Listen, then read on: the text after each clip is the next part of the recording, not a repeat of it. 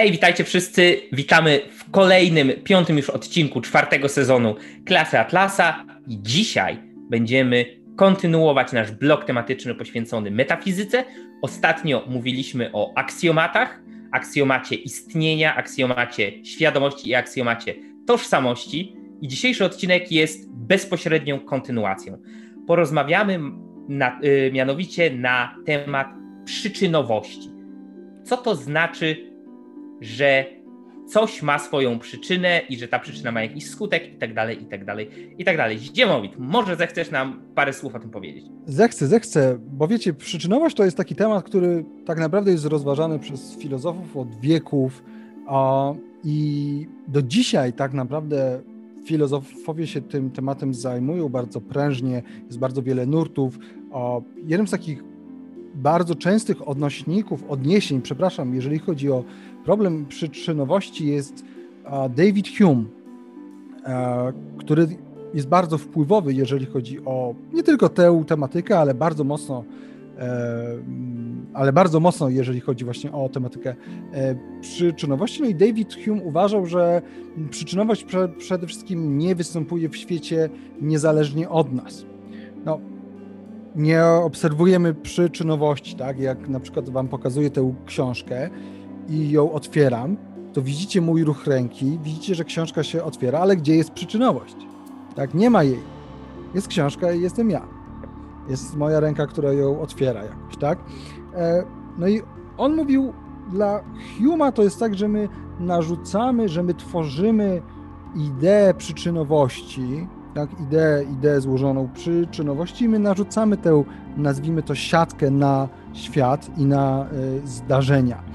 E, I to są zdarzenia, które zdaniem Huma ta idea się pojawia w przypadku pewnych na, następstw czasowych w jakiejś tam określonej lokalizacji przestrzennej, czyli na przykład widzimy ileś razy, że po naciśnięciu spustu e, kula czy nabój jest wystrzeliwany i tworzymy sobie, dochodzimy do wniosku takiego, że tu, do, tu zachodzi pewna przyczynowość, tylko no jeszcze raz dla Davida Huma ta przyczynowość leży niejako po stronie podmiotu.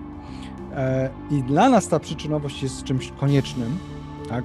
To nie jest tak, że e, jeżeli ktoś weźmie pistolet, który jest sprawny i działa, i wszystko, i jest tam nabój, jest naładowany, jest odbezpieczony i naciśnie na spust, to ta osoba nie będzie się zastanawiała, czy on na pewno wystrzeli wiedząc, że jest z nim wszystko w porządku. Natomiast Hume mówi, że po stronie rzeczywistości tej konieczności nie ma, to jest coś, co my tej rzeczywistości e, niejako narzucamy.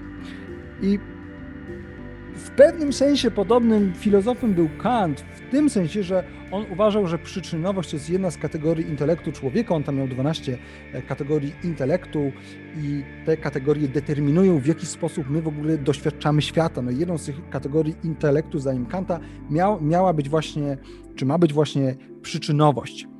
Yy, więc no, nie wchodząc już w Kanta jakoś głębiej, bo do tego by trzeba było osobnego odcinka, niejako mm, nasz umysł, e, nasz rozum sprawia, że my widzimy świat, e, ten świat fenomenów jako zachowujący się w taki, a nie inny sposób i ta przyczynowość jest właśnie w tym świecie fenomenów.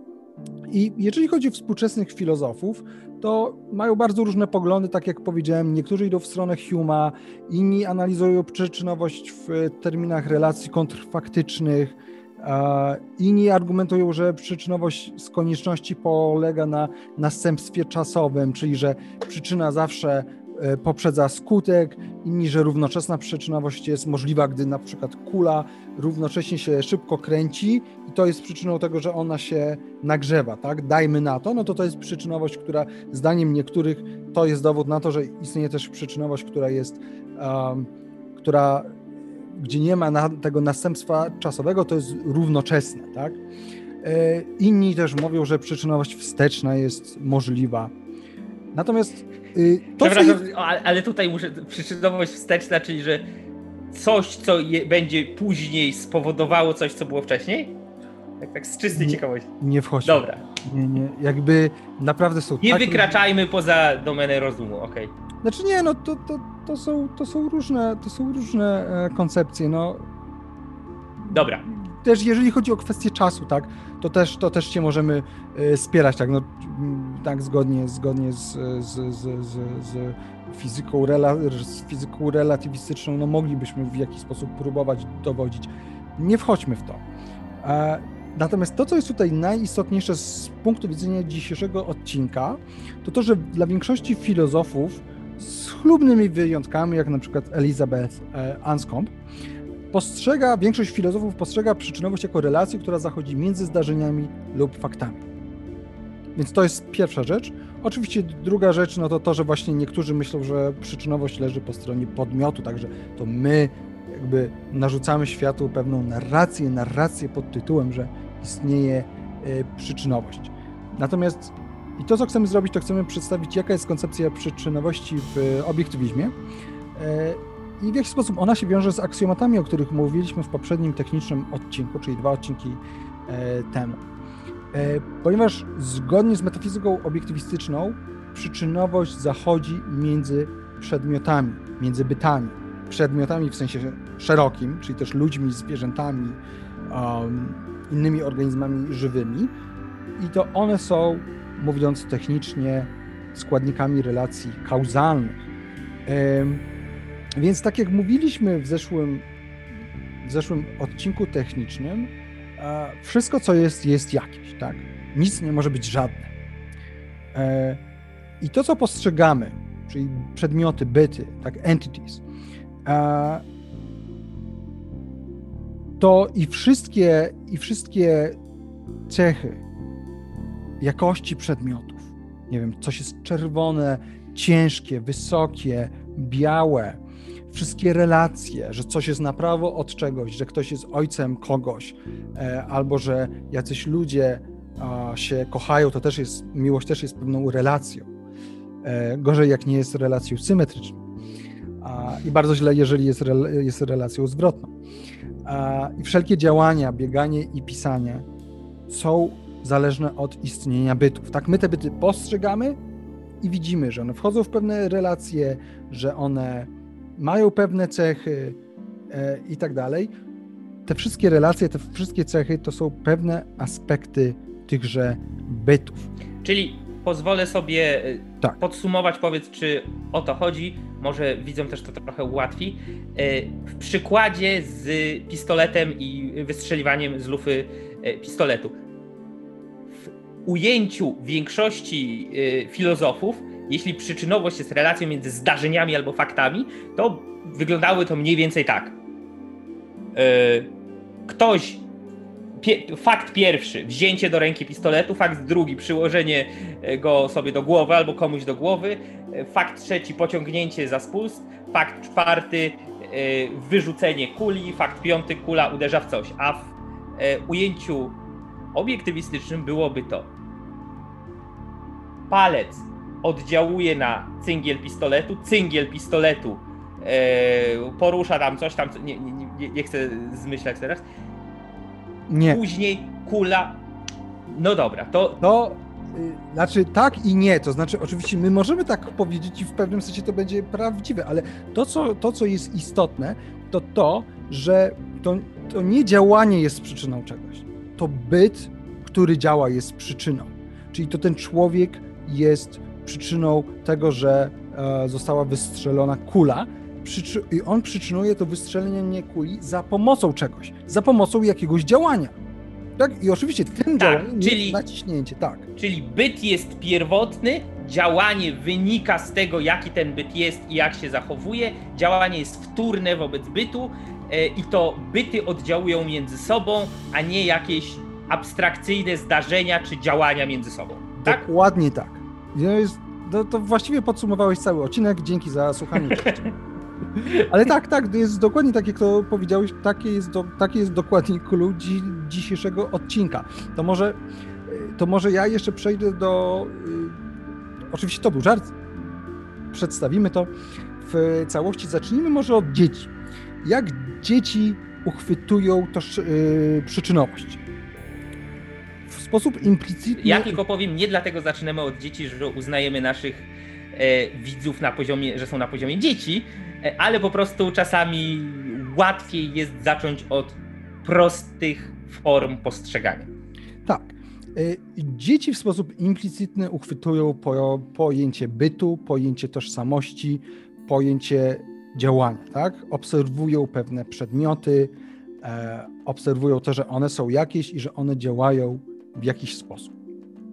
I to, że one uchwytują, że te przedmioty dzia działają w jakiś określony sposób, pomaga im w sposób implicite, w sposób y, taki nie wprost, w sposób ukryty, uchwycić prawo przyczynowości. Tak? Czyli to, że pewne byty jakoś działają i są przyczynami czegoś dalszego. I w odcinku o aksjomatach wyjaśniliśmy, czym jest aksjomat tożsamości, tak? Że być to być czymś, być jakimś.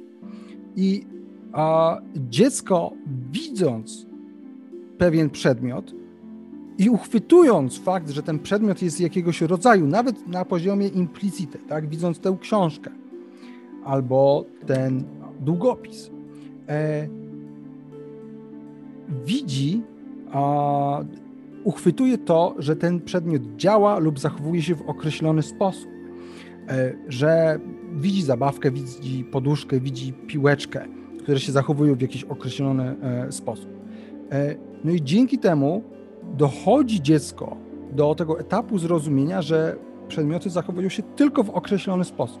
Oczywiście bardzo często to wymaga różnych doświadczeń, ponieważ no, my musimy doświadczyć tego, że przedmioty się, się zachowują w taki, a nie inny e, sposób, ale jak już to doświadczymy, to widzimy, że ten, że ten przedmiot jest na, jest na przykład miękki, więc mogę go łatwo ścisnąć, jak na przykład e, pluszowego misia, a na przykład butelka e, z mlekiem już nie jest miękka, więc nie mogę jej tak samo ścisnąć. A kamień tym jeszcze jest, jeszcze mniej. mniej jeszcze tak, mniej. I tak dalej. Tak, tak, e, tak piłka się toczy i tak dalej. No. I, więc dziecko dochodzi implicite do konkluzji, że każdy byt ma jakiś swój określony rodzaj działania. No i jeżeli chodzi o osoby dorosłe, tak, o nas, a to my mamy do czynienia ze zrozumieniem dwóch rzeczy. Pierwsza rzecz, że każde działanie jest działaniem jakiegoś bytu i to rozumiemy na poziomie explicite. Tak, nie ma działań poza bytami. Wszystko, co działa, jest bytem. Czyli mówiąc krótko, musi być coś, co działa. Dokładnie. Tak? tak. A drugi fakt, fakt, zasada, aksjomat, to jest e, aksjomat tożsamości, który wyjaśniliśmy w poprzednim technicznym odcinku. A jest A. E, no i takie każdy byt posiada określoną, niesprzeczną naturę, tak, jest jakiś. E, każdy byt jest skończony, tak, ma taką, a nie inną e, liczbę cech, właściwości. Tak każdy byt musi działać zgodnie ze swoją naturą. Tak? Balon napełniony helem nie może rozbić szyby okna. Tak? Czołg nie zacznie latać. Czołg, taki normalny czołg, nie, że jak mu doczepimy jakiś, jakąś tam, jakiś tam napęd rakietowy albo jakieś takie dziwne, nie wiem, skrzydła jakieś mechaniczne. Czołg, taki typowy czołg, e, czołg z II wojny światowej, nie zacznie latać. E, gołąb nie zacznie mówić. E, więc działanie niezgodne ze swoją naturą, albo pomimo swojej natury, jest niemożliwe. Dlaczego? Dlatego, że jak to tłumaczyliśmy w poprzednim odcinku o aksjomatach, istnienie to tożsamość. Istnieć to być jakimś. E, co by oznaczało działanie niezgodne ze swoją naturą? no, to by oznaczało działanie niezgodne z własną tożsamością. A byłoby to zaprzeczeniem aksymatu tożsamości, tej niepodważalnej zasady, no, że A jest A, że sprzeczności są niemożliwe. I, i tutaj, Mateusz, no już dochodzimy do tej konkluzji, którą ty wypowiedziałeś, to może, to może chciałbyś w takim razie to powiedzieć w jakiś taki uporządkowany sposób. No, mamy do czynienia e, z konkluzją, że to natura bytów, natura istnień, przedmiotów przyczynuje ich działania. Czyli e, tutaj w sensie ścisłym, przyczyna to natura bytu, który działa. przyczyna to natura działającego bytu. E, I przy tym samym bycie, przy tych samych warunkach i okolicznościach, skutek będzie ten sam. E, I w, no, można powiedzieć, że w ten sposób działa prawo przyczynowości, to jako uniwersalne prawo rzeczywistości. Pokazując na prostym przykładzie. E, ceteris paribus, w warunkach niezmienionych, tak? To jest bardzo poręczna i prosta formuła w filozofii, w wielu naukach, e, która po prostu mówi, ok, skupiamy się, izolujemy pewien fragment rzeczywistości. Ceteris paribus przy innych warunkach niezmienionym, przy pokojowej temperaturze, normalnym pokojowym ciśnieniu i tak dalej. Jeśli weźmiemy kartkę papieru i przyłożymy do niej płonącą zapałkę, to ta kartka papieru zacznie płonąć. I jeśli nie zostanie gaszona, e, prędzej czy szybciej spłonie. E, jeśli ceteris paribus przy normalnej grawitacji e, ziemskiej z normalnym przyspieszeniem grawitacyjnym weźmiemy piłkę albo kamień, albo w zasadzie cokolwiek innego i puścimy, spadnie to na ziemię, jeśli będzie odpowiednio ciężkie, a powierzchnia będzie odpowiednio miękka albo krucha, uszkodzi to powierzchnię podłogi czy ziemi. E, i tak dalej, i tak dalej. No, przykładów, przykłady tutaj można byłoby e, mnożyć, a z drugiej strony, jeśli jakaś władza wydałaby dyrektywę, że wszyscy ludzie mają nauczyć się latać poprzez e, machanie rękami, to można wyobrazić sobie wielki klif, na którym stoi, stoją setki ludzi, wszyscy machają rękami nieustannie. Natomiast no, z natury rzeczy, ze względu na konstrukcję naszych kości, na nasz ciężar, e, na e, grawitację, na naturę e, pływów w powietrzu i tak dalej. Żaden z nich nie poleci, co najwyżej spadnie w dół klifu. Więc natura bytu, który działa, to przyczynowość i przy tym samym bycie, w tych samych warunkach i okolicznościach, ceteris paribus, zawsze jeden byt działający na drugi przynosi ten sam skutek. Ten tak, sam to może tutaj jeszcze taka mała uwaga, bo też użyliśmy formuły, że to byty są przyczynami. A tu mówimy, że natura bytu. Nie ma tego rozróżnienia. Byt jest jakiś. Nie da się Nie, nie to tożsamość. Tak. Więc jak mówimy, że to natura bytów jest przyczyną, to mamy, to tak naprawdę to jest po prostu bardziej ścisłe określenie tego samego faktu. E, no i teraz cechy składowe, tak? Tak. Natu, natura bytu to jest użyteczne dla nas pojęcie, bo kiedy mówimy, że coś ma swoją naturę, oznacza, że ma konkretne cechy składowe, które składają się na to istnienie i one są nierozerwalne z tym istnieniem, tylko my intelektualnie, y, aby uprościć sobie rozumowanie, czy móc przeprowadzić jakiś wywód, możemy sobie abstrahować pewne cechy z tych bytów, tak? Czyli y, trochę prze, przeskakuję, ale no powiem bardzo szybko, bo o tym będziemy mówić chyba w epistemologii, tak? Jak mamy jabłko, które jest okrągłe, czerwone i słodkie, to ono, to to nie Jak jest tak, że są... Oczywiście. To, to nie jest. Ta... Jestem czerwony? Nie, ale słodki. Okrągły mogę być, słodki mogę być, czerwony tylko sweter jak mamy jabłko, to to nie jest tak, że ono ma odrębne cechy, które dodane do siebie tworzą jabłko. To jabłko jest jednocześnie okrągłe, czerwone i słodkie. To są aspekty tego samego bytu, a my, jako y, istoty rozumne, które potrafią abstrahować pewne cechy, możemy zacząć mówić o słodyczy tego jabłka, o czerwieni, czerwoności tego jabłka, o okrągłości i tak dalej, ale byt jest jeden i jego natura jest jedna i składa się ze wszystkich cech składowych. Dokładnie tak. I tutaj warto może przytoczyć y, zdanie takie, które wypowiedziała Rand, że prawo przyczynowości to prawo tożsamości zastosowane do działania. I tutaj warto, a nawet trzeba myśleć o przyczynowości jako następstwie tożsamości, bo teraz py pytanie. Mamy trzy aksjomaty.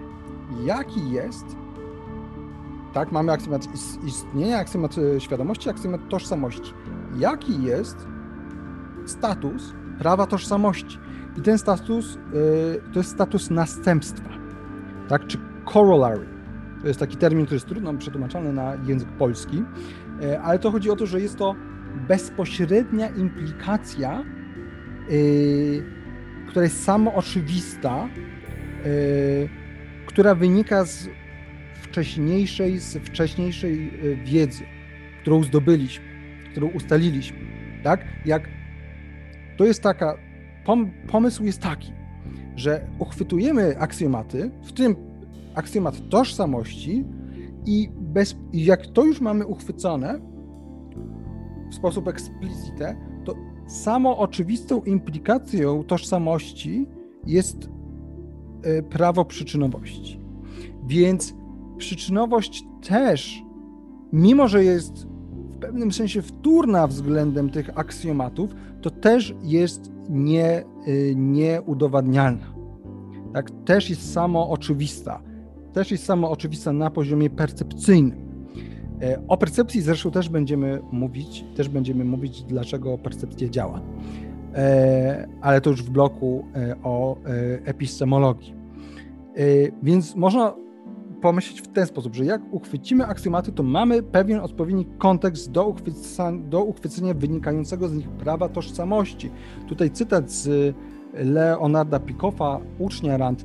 Następstwo, tak jak aksjomat, jest samo oczywiste, gdy już zostanie uchwycony odpowiedni kontekst. Jest to zatem nowa perspektywa na uprzednio ustaloną zasadę, która to perspektywa bezpośrednio e, wynika, gdy uchwycimy znaczenie zasady, na której się opiera tak? W tym wypadku na e, aksjomacie tożsamości. No i e, to już o, o, ostatnia rzecz. Zgodnie z metafizyką obiektywistyczną przyczynowość jest obiektywna. To znaczy ona jest... Szok, i niedowierzanie. W obiektywizmie i nie, i przyczynowość jest obiektywna. Tak. Ona jest obiektywna, ona istnieje w świecie, ona jest niezależna od nas, też od naszego umysłu czy od umysłu społeczeństwa. E, tak, to nie jest coś, co my narzucamy na świat ta natura bytów, ona po prostu jest, tak? Bo byt jest, istnienie istnieje i każdy byt, który istnieje, jest jakiś, niezależnie od nas.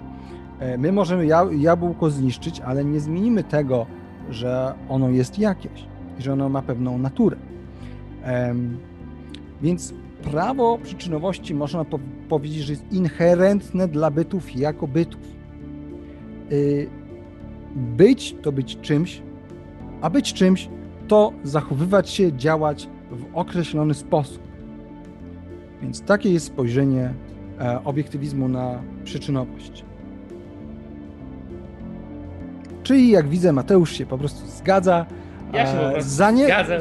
Po prostu jak najbardziej. mówiłeś, tak? Z, z, z Dokładnie. Tego, z przyczyną, tego. przyczyną mojego zaniemówienia y, był Ziemowit Gowin zachowujący się w określony tak, sposób. Tak, ale to może jeszcze jedna rzecz, taka ostatnia, bo mimo że przyczynowość zachodzi pomiędzy bytami, to nie znaczy, że nie możemy na pewnym poziomie komunikacji używać terminologii zdarzeń. Czyli mówić o takich zdarzeniach jak II wojna światowa, że II wojna światowa była przyczyną na przykład um, tego, że gospodarka została zniszczona, że ludzie zginęli, y, była przyczyną zmiany świadomości społecznej. Możemy wchodzić na takie ogólne poziomy i mówić w ten sposób, tylko żebyśmy mieli świadomość, że to są pewne uogólnienia, na które składają się pewne poszczególne e, działające byty. I w tym sensie nasze oddzielenie II wojny światowej jako pewnego zdarzenia jest, jest naszą projekcją, tak? bo możemy wejść w szczegóły, że to nie II wojna światowa zniszczyła gospodarkę, ale działania wojenne prowadzone przez poszczególne państwa i na przykład odejście i na, i na przykład finansowanie um, nie wiem, inflacja i tak dalej, zniszczenie klasy średniej, a to możemy wejść jeszcze głębiej, że tak naprawdę y, to były decyzje polityków, które doprowadziły, albo jeszcze głębiej, ten konkretny koleś, ten konkretny bankier, ten konkretny polityk i tak dalej. No tak, no, mamy tu do czynienia z jednostkami, czyli bytami, które działają w jakiś sposób. A ponieważ ludzie mają taką naturę, o czym będziemy mówić, że mogą podejmować decyzje, podejmują decyzje i działają zgodnie z nimi, w zgodzie ze swoją naturą. I te działania, e, i kiedy działają, oddziałują na inne byty i następuje kolejność zdarzeń, która niestety może E, przywieść ludzkość do rzeczy takich jak druga wojna, zjawisk takich jak druga wojna światowa. No właśnie, no właśnie, dokładnie tak jest. A zatem dziękujemy Wam za dzisiaj i widzimy się za tydzień. Trzymajcie się, cześć. Dzięki wielkie. Hej, cześć.